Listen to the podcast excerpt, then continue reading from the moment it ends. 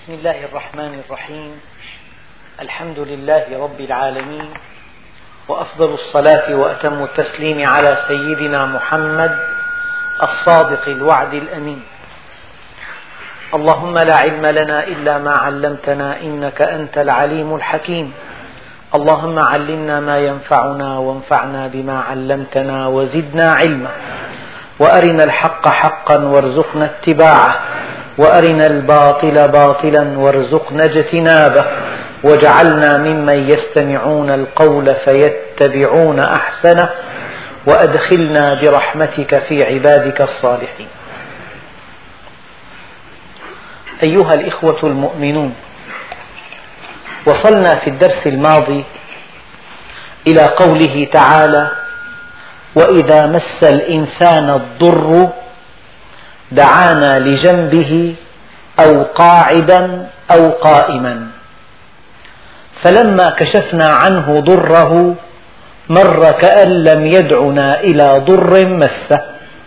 كذلك زين للمسرفين ما كانوا يعملون. أما كلمة الإنسان تتكرر كثيرا. فأما الإنسان إذا ما ابتلاه ربه فأكرمه ونعمه فيقول ربي أكرمن. وإذا أنعمنا على الإنسان أعرض ونأى بجانبه. وإذا مسه الشر كان يئوسا فلينظر الإنسان مما خلق. إن الإنسان لظلوم كفار. قال بعض المفسرين حيثما وردت كلمة الإنسان معرفة بأل فإنها تعني هذا الإنسان المعرض هذا الإنسان الغافل. أما الإنسان إذا عرف الله صار اسمه مؤمنا المؤمن. يا أيها الذين آمنوا وقال رجل مؤمن من آل فرعون يكتم إيمانه إن المؤمنين والمؤمنات تبدل اسمه. إذا كان ساهيا لاهيا ضائعا تائها شاردا إنسان. أما إذا عرف الله صار مؤمن صار مؤمنا. فربنا عز وجل يعطينا نموذج من الإنسان المعرض. وإذا مسه شوف كلمة مسه. أحيانا بتمس التيار الكهربائي مس. بثواني. بتقفز مع الأرض. فكيف لو وضعت اليد على تيار عال؟ بتفحم فورا. وإذا مس فربنا عز وجل حكيم يمس الناس بالضر. مس آلام مغص. نوبة, نوبة رمل. بيصيح وبيستريح. تجي نوبات. تجي أيام حالات ضيق. كل المصائب التي يصاب بها الإنسان تحت قوله تعالى مس. ومن معاني مس فيها لطف وفيها تقدير دقيق وفيها عناية بالغة. لو رفعنا التيار بيتفحم الإنسان لكن نحن لازم نكهربه وما يتفحم. نعطيه مس خفيف. وإذا مس الإنسان الضر. دعانا دعانا لجنبه. قال قالوا هذه اللام بمعنى على. يعني دعانا على جنبه. وهو مضطجع. يا رب. أو قاعدا أو قائما.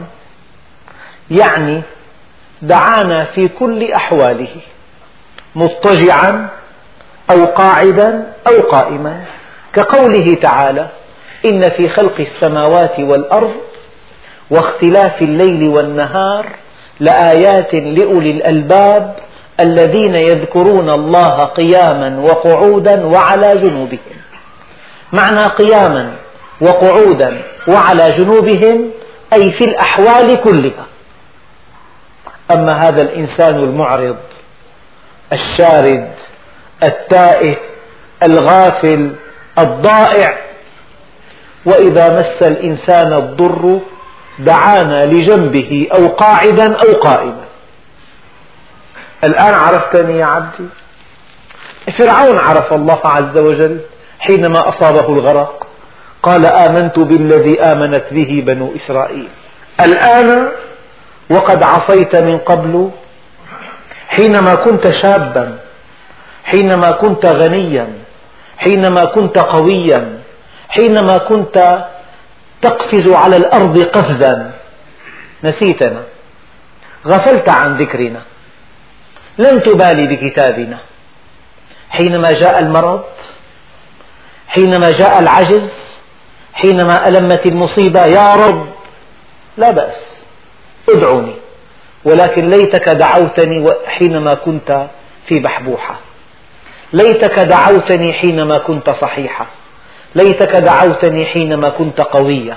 ليتك دعوتني حينما كنت غنية. ليتك دعوتني حينما كنت في الرخاء. عبدي اعرفني في الرخاء. أعرفك في الشدة. لكنك إذا دعوت الله في الشدة دعاء المضطر لا دعاء العارف. دعاء الذي تحت وطأة السيف. لا الذي تحت وطأة العقل. العقل يقول لك اعرف الله في الرخاء. لذلك النبي الكريم قال اغتنم خمسا قبل خمس. شبابك قبل هرمك. وصحتك قبل سقمك. وفراغك قبل شغلك. وغناك قبل فقرك. وحياتك قبل موتك. والنبي الكريم اللهم صل عليه قال بادروا بالأعمال الصالحة فماذا ينتظر أحدكم من الدنيا؟ هل تنتظرون إلا فقرا منسيا أو غنى مطغيا أو مرضا مفسدا أو هرما مفندا أو موتا مجهزا أو الدجال؟ فشر غائب ينتظر والساعة والساعة أدهى وأمر. يعني إلى أن عصب الجسد, الجسد تقول يا رب كنت مستعلي على الناس كنت لا تنظر إلى أحد دونك. حينما جاءت الأزمة القلبية صار في تواضع. أخي ادعوا لنا أستاذ ادعوا لنا. هلا عم تقول ادعوا لنا؟ كيف كانت حالك قبل أن تصاب بهذا المرض؟ وإذا مس الإنسان الضر دعانا لجنبه. طائرة تطير. دخلت في دخلت في عاصفة مكهربة. فاضطربت. وكادت تسقط وهبطت وجنحت. لم يبق في الطائرة واحد إلا يقول يا الله. فلما هبطت على الأرض عرف أن هذه الطائرة تحمل أناسا لا يؤمنون بالله إطلاقا. لكن مسهم الضر فدعوا الله مخلصين له الدين. وإذا مس الإنسان الضر يعني البطولة وأنت في الرخاء ما في شيء. الصحة طيبة. الزوجة ممتازة. الأولاد أبرار الدخل وفير المكانة جيدة. وأنت في قمتك. وأنت في قمة مجدك. وأنت في الوظيفة. مو بعد التقاعد صار في تواضع. يجب أن تكون متواضعا وأنت على رأس عملك. والناس أمامك ينتظرون. وإذا مس الإنسان الضر دعانا لجنبه أو قاعدا أو قائما. الإنسان بالمال بيستعلي وبالقوة بيستعلي وإذا كان له وظيفة بيستعلي فيها وإذا كان مقتدر بيستعلي وإذا كان معه شهادة عالية والناس بحاجة له بيستعلي. ما بيحاكي حدا لكن إذا جاءت المصيبة يتواضع. ليتك تواضعت قبل المصيبة. ليتك عرفت الله وأنت في الرخاء. ليتك عرفت الله وأنت في بحبوحة.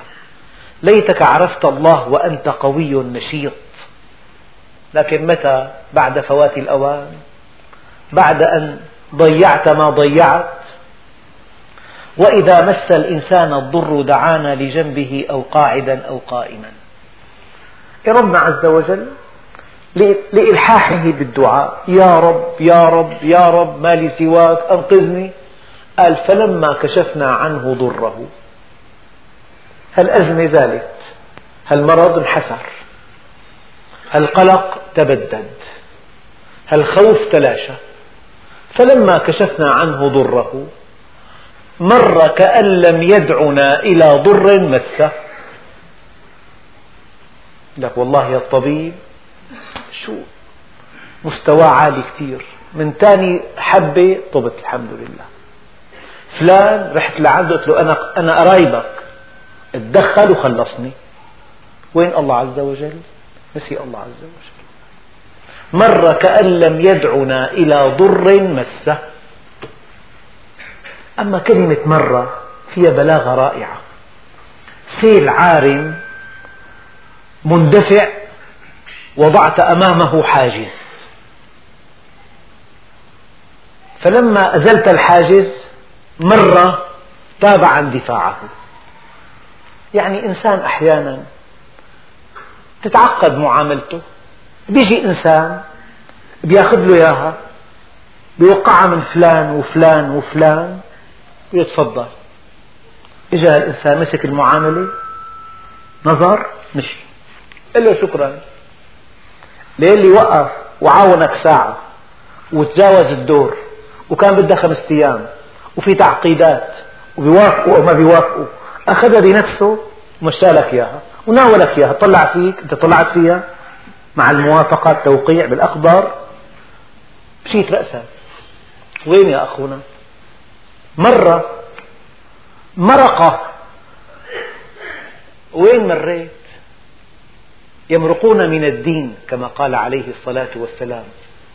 يعني بمر كأن لم يدعنا إلى ضر مسه. قول يا ربي لك الحمد يا ربي لك الشكر. هذا توفيقك هذه عنايتك هذا فضلك. هيك الإنسان بيقول منتهى اللؤم. منتهى الجحود منتهى الكفر. ابنه حرارته 41 شافه الطبيب قال له والله التهاب سحايا يعني على وشك الوفاة. يا رب ليل نهار. بعدين الحرارة انحسرت والله عز وجل عافاله إياه. اسجد سجود الشكر لله عز وجل. قل له يا ربي لك الحمد والشكر والنعمة والرضا هذا فضلك يا رب. لا مرة شيء مادي وقفت في طريقه ثم فسحت له المجال فاندفع من دون إحساس من دون قيم من دون شعور من دون من دون اعتبارات.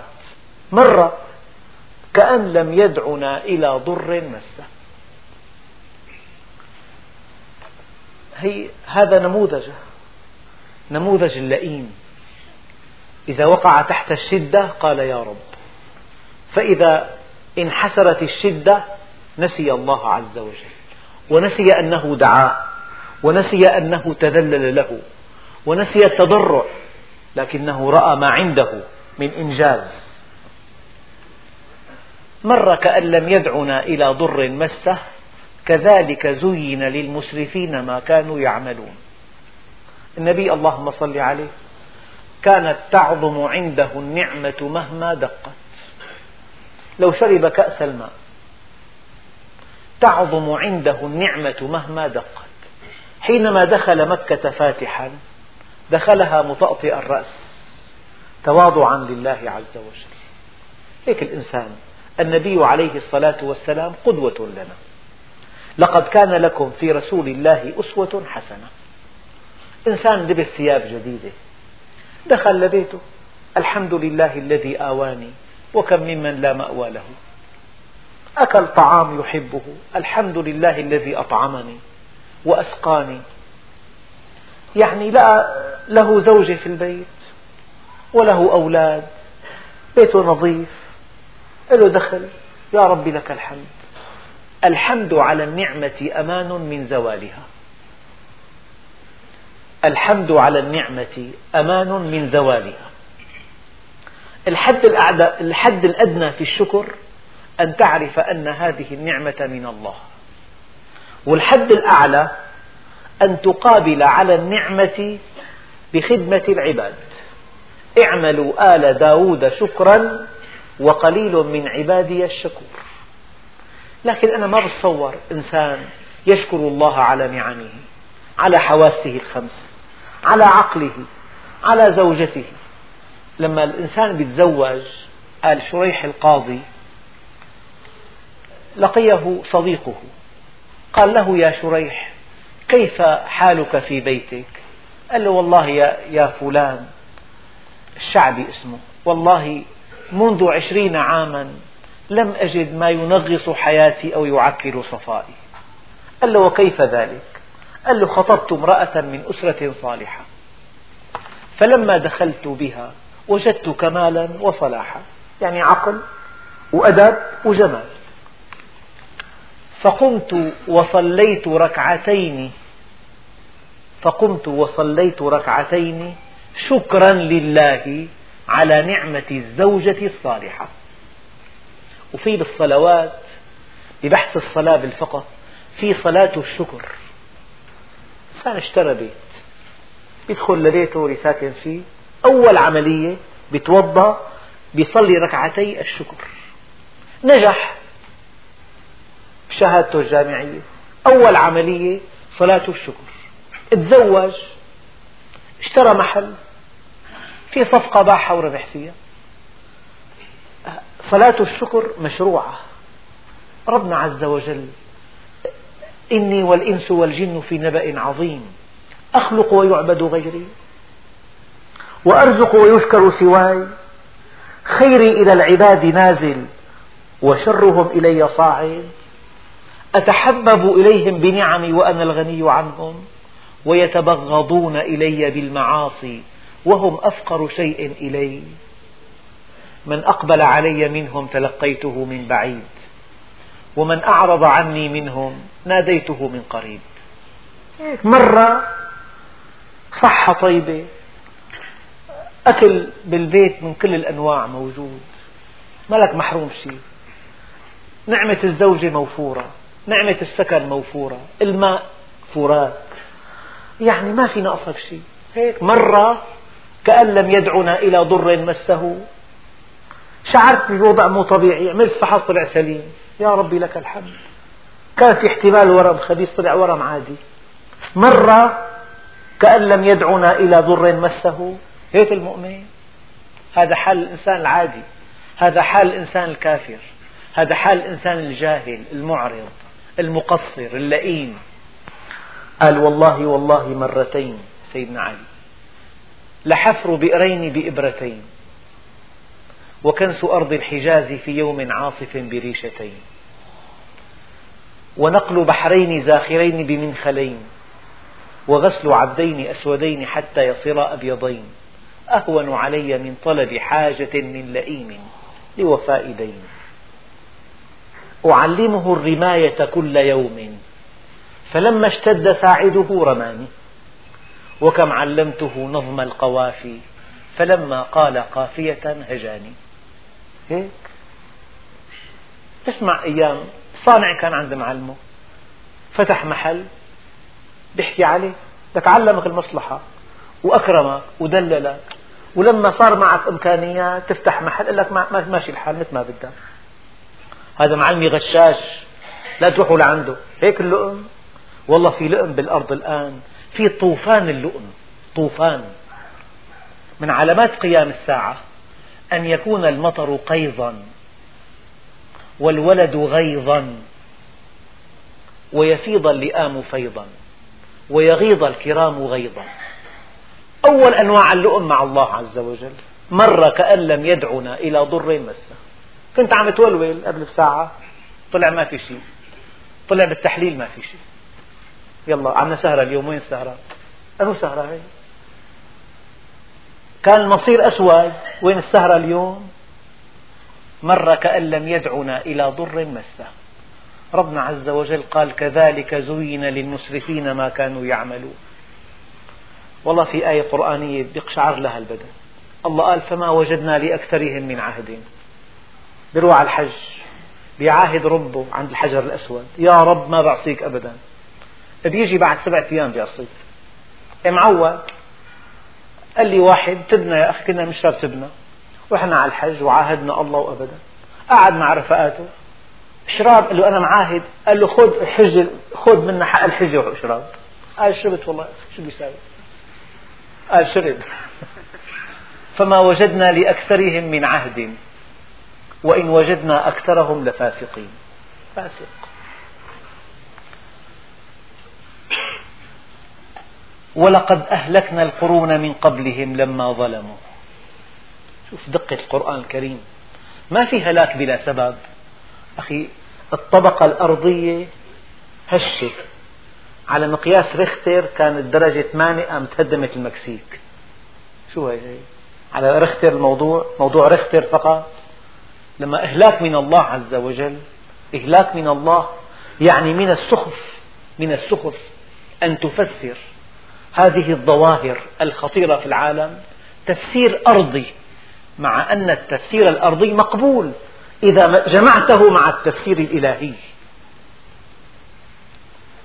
وكأي من قرية كانت آمنة مطمئنة يأتيها رزقها رغدا من كل مكان. فكفرت بأنعم الله فأذاقها الله لباس الجوع والخوف بما كانوا يصنعون.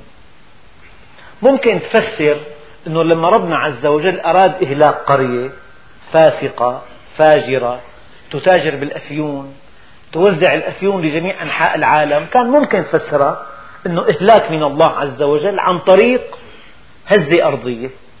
ممكن. قد تجمع التفسير الإلهي مع التفسير العلمي والتفسير الإلهي والتفسير العلمي لا يتناقضان إنما يتكاملان. أما أن تقول فقط هزة أرضية على مقياس ريختر فقط؟ معناها من لم تحدث المصيبة في نفسه موعظة فمصيبته في نفسه أكبر. أصبحت نفسه هي المصيبة نفسه. ولقد أهلكنا القرون من قبلهم لما ظلموا لما ظلموا. ما دام في ظلم في هلاك. لذلك حينما يعم الفساد في آخر الزمان ظهر الفساد في البر والبحر قال الله عز وجل وإن من قرية إلا نحن مهلكوها أو معذبوها قبل يوم القيامة عذابا شديدا كان ذلك في الكتاب مسطورا أبدا. لكن العلماء قالوا الهلاك نوعان هلاك مبرم وهلاك بطيء. يعني ضعف الموارد شح السماء قلة النبات ازدياد الحاجات قلة الدخل الضغط الاجتماعي. هذا أحد أنواع الهلاك. هذا موت بطيء بسموه يا أما موت بضربة قاصمة أو موت بطيء. فالهلاك هلاكان. إيه، لما الإنسان بيلاقي حاله ما معه. أموره ليست بيده. ربنا عز وجل قال وعد الله الذين آمنوا منكم وعملوا الصالحات ليستخلفنهم في الأرض كما استخلف الذين من قبلهم وليمكنن لهم دينهم الذي ارتضى لهم وليبدلنهم من بعد خوفهم أمنا. يعني إذا كان ما استخلفنا الله في الأرض استخلف أعداءنا. ولم يمكن لنا ديننا الذي ارتضى لنا ولم يبدلنا من بعد خوف أمنا فهذا أحد أنواع الهلاك. بس مو هلاك قاصم هلاك على البطيء. نعم. لكن السبب يعبدونني. العبادة ما حصلت. فلما أخل العباد بما عليهم فلما أخل العباد بما عليهم فالله سبحانه وتعالى في حل من وعده. ولقد أهلكنا القرون من قبلهم فخلف من بعدهم خلف أضاعوا الصلاة واتبعوا الشهوات فسوف يلقون غية. ولقد أهلكنا القرون من قبلهم لما ظلموا وجاءتهم رسلهم بالبينات وما كانوا ليؤمنوا. العلماء وقفوا عند هذه الآية. لماذا لم يؤمنوا؟ لماذا ما كانوا ليؤمنوا؟ لأنه نفي الإيمان شيء ونفي الإمكانية شيء آخر. مثلا تقول فلان لم يسرق نفيت عنه حدث السرقة. لكن قد تقول فلان ما كان له أن يسرق. نفيت عنه إمكانية السرقة ورغبة السرقة واستعداده للسرقة. نفيت عنه كل ما يتصل بالسرقة هذا يسموه النفي المبالغ. ما كان لي أن أفعل. ما فعلت شيء. أنا ما ما أفطرت والله صايم يا أخي ما ما فطرت. لكن ما كان لي أن أفطر. مستحيل يعني أفطر. شيء ولا يخطر في بالي إطلاقا. لا في عندي استعداد أفطر ولا في عندي نية أفطر. ولا في عندي إمكانية أفطر أفطر. ولا برضى بفطر. ومهما دعوتني ما بفطر.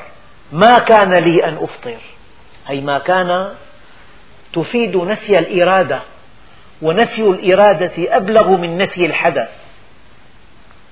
فلان ما كان له أن يسرق. مستحيل يعني. لكن لم يسرق. قد يكون في عنده إمكانية يسرق بس ما سرق. لكن ما كان له أن يسرق مستحيل. ربنا عز وجل قال وما كانوا ليؤمنوا. لماذا جعل إيمانهم مستحيلا ربنا سبحانه وتعالى؟ يعني إذا واحد هدفه حلب مشي باتجاه درعا شو بتقول؟ ما كان له أن يصل. إذا كان رايح لحلب وقف بحمص وما عاد كمل تقول لم يصل بعده لم يصل بعده. لكن ماشي بعكس الاتجاه تقول ما كان له أن يصل. كل ما مشي كل ما بعد عن هدفه. فلما الإنسان بيمشي بطريق الدنيا وبيتوغل فيها وبيقع بالظلم والبغي والعدوان والدنيا أكبر همه وينغمس في شهواته لا نقول هذا لا يؤمن هذا ما كان له أن يؤمن بهالمعنى. يعني طالب ما داوم إطلاقا بتقول لم ينجح تقول ما كان له أن ينجح. إذا داوم وما اجتهد تقول لم ينجح مشكلة ما نجح. أما إذا ما داوم ولا يوم ولا فتح كتاب ولا اشترى كتب تقول لم ينجح تقول ما كان له أن ينجح. ربنا عز وجل قال وما كانوا ليؤمنوا. طيب لماذا أهلكهم الله عز وجل؟ لأنهم ما كانوا ليؤمنوا. ربنا عز وجل ما دام في أمل بالإيمان ما في هلاك. ما دام في بقية أمل مو أمل بقية أمل. ما في هلاك. إلى أن يسير الرجل في طريق معاكس للإيمان. بزاوية 180 درجة. نص دائرة يعني.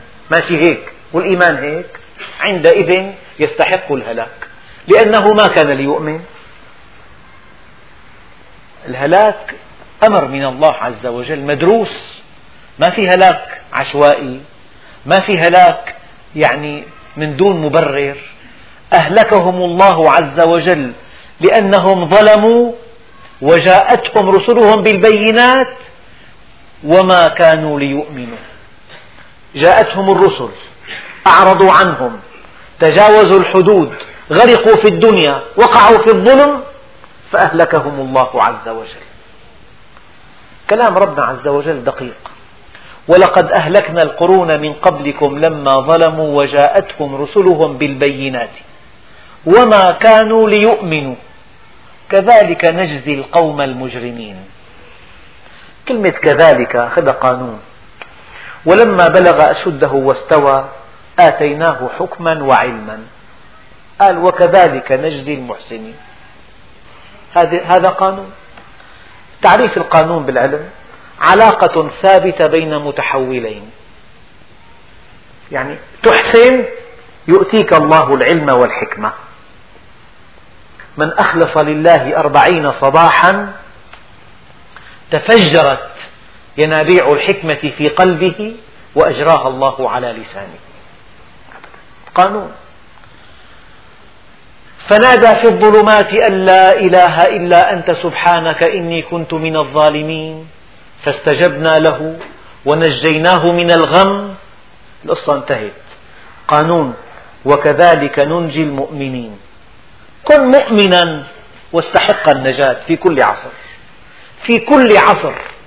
كن مؤمنا تستحق على إيمانك أن تنجو من كل شيء تخافه. قانون. وكذلك نجزي المجرمين. ولقد أهلكنا القرون من قبلكم لما ظلموا. وقبل ظلمهم جاءتهم رسلهم بالبينات. فكذبوا بها. وما كانوا ليؤمنوا كذلك نجزي القوم المجرمين. إذا كلما رأيت قوما أهلكهم الله عز وجل تأكد أنهم لا جدوى منهم لا أمل منهم. لو كان فيهم بقية أمل في هدايتهم لما أهلكهم الله عز وجل. لا يهلك قال عليه الصلاة والسلام لا يهلك إلا هالك. لا يهلك إلا من هلكت نفسه بعدت عن الحق. لا يهلك إلا من شرد على الله شرود البعير. غمأ كثير في ضلال في ضلال مبين. يعني الخمر مثلا تذهب العقل تحط المكانة تضعف الملكات تثبط الهمم.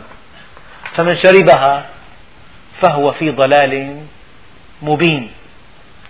وفي ضلال بعيد. الضلال البعيد واحد ماشي الطريق باتجاه حمص مثلا لقى مفرق مشي منه. بعد ما مشي 200 كيلومتر طلع بتدمر هو بده حمص. هذا اسمه ضلال بعيد يعني غمق كثير لو مشي 10 كيلومتر ورجع. ضلال قريب لكن 200 كيلومتر ضلال بعيد. في ضلال مبين. في ضلال بعيد. أيام الإنسان ببعد كثير بيعتقد اعتقادات فظيعة أنه ما في غير الحياة الدنيا ما ضلاله بعيد. هذه هي الدنيا هي كل شيء.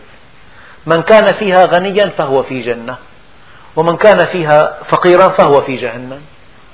وليس بعد الدنيا شيء هذا في ضلال بعيد في ضلال مبين. فمن كان مجرما يستحق الهلاك. ثم جعلناكم خلائف في الأرض من بعده. لننظر كيف تعملون. يكون ابن عند أبوه قاعد بالمحل مو عاجبه أبوه يقول لك بيعه صعب أبي. أنا بحب بيع سهولة. أبي كذا أبي كذا بتوفى الأب.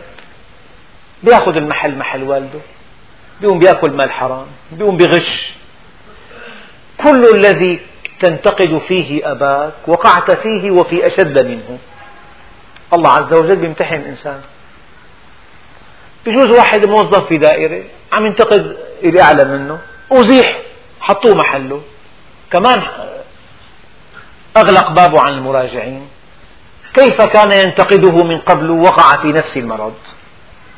ربنا عز وجل قال ثم جعلناكم خلائف في الأرض من بعدهم. لننظر كيف تعملون. الإنسان لا ينتقد وإذا انتقد ينتبه. عيون الناس مفتحة. فإذا وقع في من انتقد غيره فقد وقع في أبشع شيء وهو التناقض. التناقض بشع جدا. يعني أبشع صفة بالعقل التناقض. أن تقول شيئا وتفعل عكسه. أن تقيس الناس بمقياسين. مقياس تقيس به نفسك ومقياس تقيس به الآخرين. هذا تناقض هذا تفريق هذا خطل خلل فكري. ثم جعلناكم خلائف في الأرض. من بعدهم لننظر كيف تعملون. وهكذا. شوف هذا سوق مشهور بالشام. بعد ستين سنة كل هالطقم بيتغير. يا بيسلم المحل يا بينباع يا بيجي الابن محل أبوه. تلاقي وجوه جديدة. ستين سنة ثانيات طقم جديد. هي على مستوى المحلات على مستوى البيوت. هالبيت بتوفى الأب بينباع أو بيسكن فيه ابنه. صار في وجه جديد معاملة جديدة. فربنا عز وجل جعلنا خلائف في الأرض. تخلف إنسان يخلف أبوه يخلف شريكه يخلف موظف في دائرته. لننظر كيف تعملون. أنت تحت المراقبة. لما الإنسان بيراقب إنسان بيربكه. فكيف وأن الله سبحانه وتعالى يراقبنا جميعا؟ إن الله كان عليكم رقيبا. حال المراقبة قاله الصوفيون. الإنسان دائما شايف الله ناظر إليه. اعبد, اعبد الله كأنك تراه. فإن لم تكن تراه فإنه يراك. إنه يراك. واحد اغتسل عريان عند النبي عليه الصلاة والسلام. فقال له خذ أجارتك لا حاجة لنا بك. إني أراك لا تستحي من الله. حالة المؤمن أنه تحت المراقبة. بس مراقبة إلهية مراقبة رحيمة مراقبة خيرة مراقبة فيها لطف ما فيها إزعاج. إن الله كان عليكم رقيبا. أثناء البيع. الله وكيلك مو ربحانة الله عم يراقب. عن حق مو ربحانة حاكي نفسك بالمية مية ربحانة شو مو ربحانة الله وكيلك مو ربحانة وأدى أخي عم نلحق الصلاة الله يخليك. أني صلاة هي؟ حلفت بالله أنه أمور ربحانة طلعت ربحان. هيك لقى الناس دينا لكل شيء لحاله. أنه كل شيء لحاله. كل شيء محاسب عنه. فوربك لنسألنهم أجمعين عما كانوا يعملون. إذا ثم جعلناكم خلائف في الأرض من بعدهم لننظر كيف تعملون. وإذا تتلى عليهم آياتنا بينات قال الذين لا يرجون لقاءنا ائت بقرآن غير هذا أو بدله. ما عجبه القرآن؟ منع الربا ما عجبه قال لك هذا الربا مال تحطه بدون فائدة؟ شو مجنون أنا أحطه بدون فائدة. كان غيري يستفيد منه أنا بستفيد منه. هي الآية أخي مو لها الزمن بعدين الله قال لا تأكل الربا أضعافا مضاعفة. انتبه يا أخي النهي مو عن بالمية خمسة من نهي عن خمسة عشرين بالمية. هيك الله قال لا تأكل الربا أضعافا مضاعفة. ما عجبته الآية هي. وآية غض البصر ما عجبته كمان. وابدلوا بعيوني يا أخي. أنا شغلي مع, مع موظفات كله والله أخي واحد بيصبح عليها بحاكيها شو يطلع فيها. هي بدلنا يا أخي منها الآية. وإذا تتلى عليهم آياتنا بينات قال الذين لا يرجون لقاءنا ائت بقرآن غير هذا. هذا في تضييق كثير ثقيل. أو بدله أو تعديلات طفيفة. الغي لنا آية النظر الغي لنا آية الربا الغي لنا آية الاختلاط. هيك؟ أو مرونة بصير يا أخي شيخ عصري هذا. يعني مرن. ما بيعقدها على التلاميذ كثير بس كون قلبك مع الله يا ابني؟ وافعل ما شئت. شو؟ هذا ائت بقرآن غير هذا أو بدله. قل ما يكون لي أن أبدله من تلقاء نفسي. إذا كنت مهندس وإجاك شخص قال لك بدي خارطة. عملت له خارطة.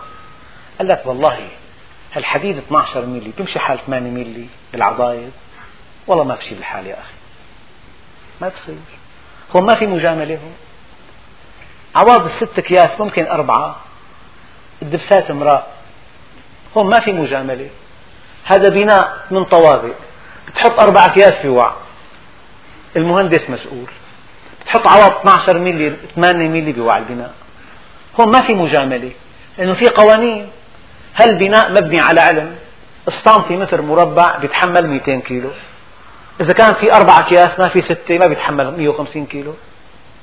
كله بحسابات. ففي مجاملة بالموضوع؟ ما في مجاملة. فأتي بقرآن غير هذا أو بد نفس هي. لما نسمح لها بالاختلاط تعلقت بالنساء. أنو صلاة صفت هي. انقطعت عن الله عز وجل. إذا كان سمحنا لها بالربا وقعت بالحرام أصبحت خجولة. يعني ما معنى هذه القضية؟ محطة وقود مكتوب ممنوع التدخين. تعقدوها كثير.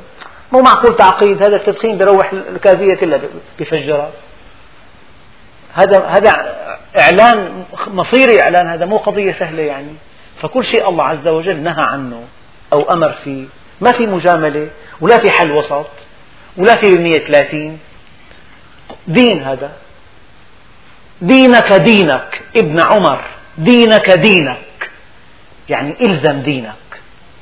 إنه لحمك ودمك. خذ عن الذين استقاموا ولا تأخذ عن الذين مالوا. كل إنسان بيستاهل معك. عرفه مو فهمان شيء يعني واحد بيسير معمل غسالات ضخم كثير لا موضوع التنشيف الآلي صعب. قال بالغيها هي بلاها. شيء حاد ينشفوه بإيده. العصر كمان صعب أم لغى العصر؟ تسخين الماء صعب لغى التسخين. هلا دوران صعب لغى الدوران صفت تنكة غسيل صفت هي ما عاد غسالة هي. كل ما لغيت صعوبة صرت بلا شيء بعدين. أخي يطلع هي صعبة اتركها. وهي اتركها وهي اتركها صفيت على لا شيء. لذلك بالدين ما في ما في مثل اللعبة مثلا شروط اللعب. إذا كان لغيتها مو شرط تجي الكرة بالسلة. ما عاد بطولة في بقى. يعني لو قربت نحن تعتبر هذا مو ما عاد لعب هذا. إذا ما في شروط صعبة ما عاد في بطولة أساسا. إذا ما في شروط صعبة دقيقة ما بقى في بطولة انتهت البطولة فكلما ألغيت شيء بالدين عم تهدم الدين أنت. الصلاة عماد الدين. من أقامها فقد أقام الدين ومن هدمها فقد هدم الدين. أخي أنا قلبي نظيف ما بينوي لحدا شر بس ما بصلي. ما بصير الصلاة عماد الدين من أقامها فقد أقام الدين ومن هدمها فقد هدم الدين. لذلك وإذا تتلى عليهم آياتنا بينات قال الذين لا يرجون لقاءنا ائت بقرآن غير هذا أو بدله. في معنى دقيق أنه القرآن عندك دبره أنت. كأنهم يظنون أو يتهمون النبي عليه الصلاة والسلام أن هذا القرآن من عنده. لذلك بدلنا إياه. غيره عدله. هالآية احذف لنا إياها. قل ما يكون لي أن أبدله من تلقاء نفسي. أنا رسول أنا مبلغ. إذا بيطلع مثلا مرسوم من رئيس الوزراء بيجي موظف بالدائق بيلغك يا أخي والله أحذف لي هالمادة شو دخلني أنا بالموضوع أنا مبلغ فقط. بتقول لواحد عم بلغك مرسوم أحذف لي هالمادة عدل لي إياها. هذا بيد رئيس وزراء مو بيد موظف بسيط. قل ما يكون لي أن أبدله من تلقاء نفسي إن أتبع إلا ما يوحى إلي إني أخاف إن عصيت ربي عذاب يوم عظيم. إذا كان النبي عليه الصلاة والسلام وهو ما هو من الرفعة والعظمة يخاف إن عصى ربه عذاب يوم عظيم. فما بال عامة الناس؟ لذلك الخوف يتناسب مع الإدراك. الإدراك ضعيف الخوف ضعيف. الخوف يتناسب طردا مع الإدراك. ما في إدراك ما في خوف. مرة طالب قال لي أنا ما بخاف من الله عز قلت له معك حق.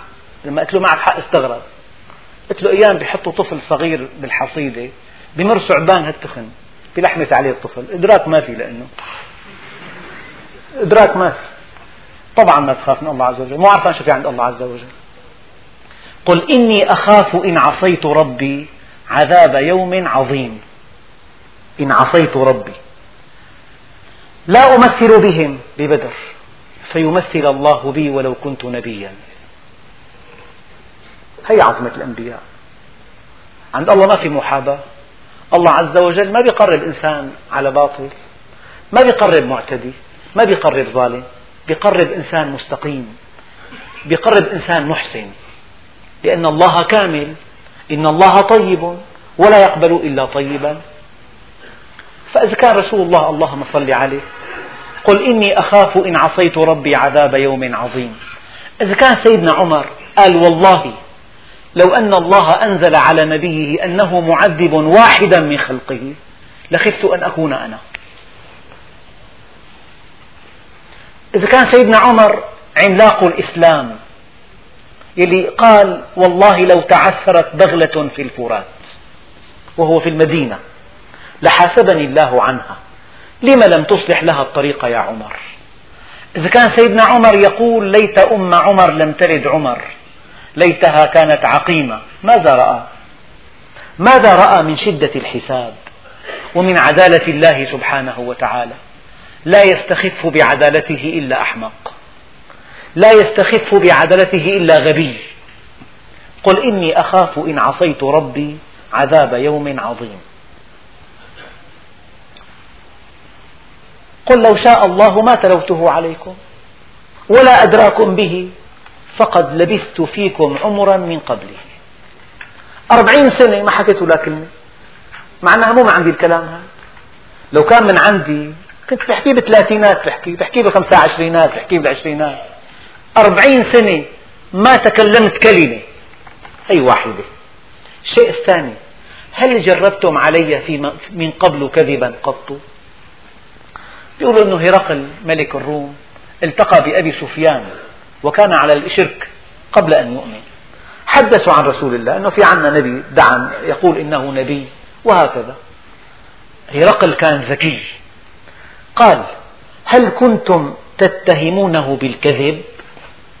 هل كنتم قبل البعثة؟ قال لا والله.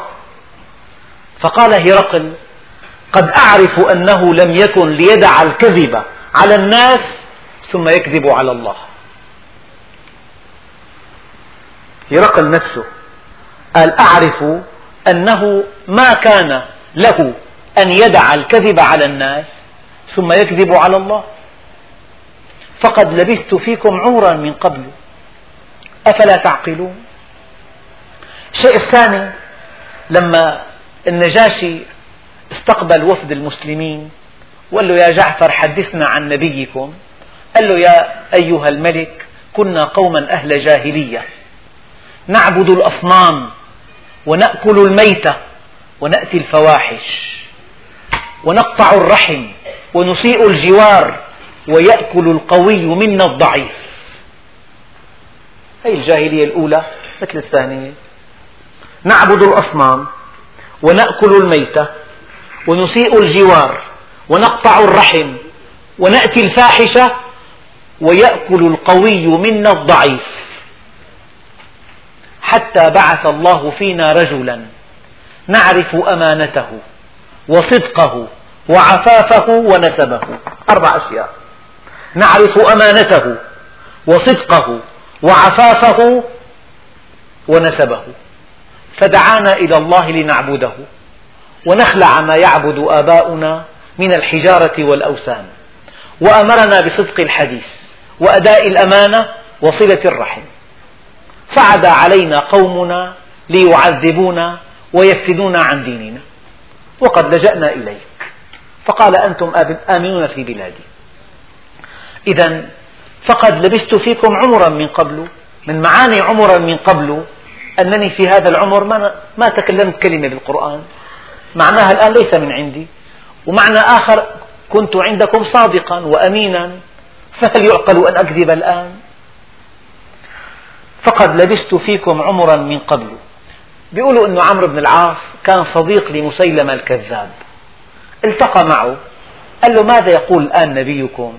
شو في آخر أخبار حيننا. قال له نزل عليه يزعم أنه نزل عليه قوله والعصر إن الإنسان لفي خسر. إلا الذين آمنوا وعملوا الصالحات وتواصوا بالحق وتواصوا بالصبر. فقال له أنا كذلك أنزل علي مثل هذا الكلام؟ قال له ما هذا؟ سمعنا. قال له يا وبر يا وبر إنما أنت أذنان وصبر وسائرك حقر نقر. قام قال له عمرو بن العاص قال له والله إنك لتعلم أني أعلم أنك كذاب. والله إنك لتعلم أني أعلم أنك لكذاب. قل لو شاء الله ما تلوته عليكم ولا أدراكم به فقد لبثت فيكم عمرا من قبله. أفلا تعقلون؟ ثم يقول الله عز وجل فمن أظلم ممن افترى على الله كذبا أو كذب بآياته. إنه لا يفلح المجرمون. يعني ربنا عز وجل وصف هذا العمل بأنه جريمة. هناك جريمتان. الأولى أن تفتري على الله كذبا. أن تزعم أنك أنه قد أوحي إليك ولم يوحى إليك. أن تزعم شيئا ما قاله الله. أن تبدل في الدين. أن تغير. أن تزور. أن تحرف هذه جريمة. والجريمة الثانية أن تكذب بالحق.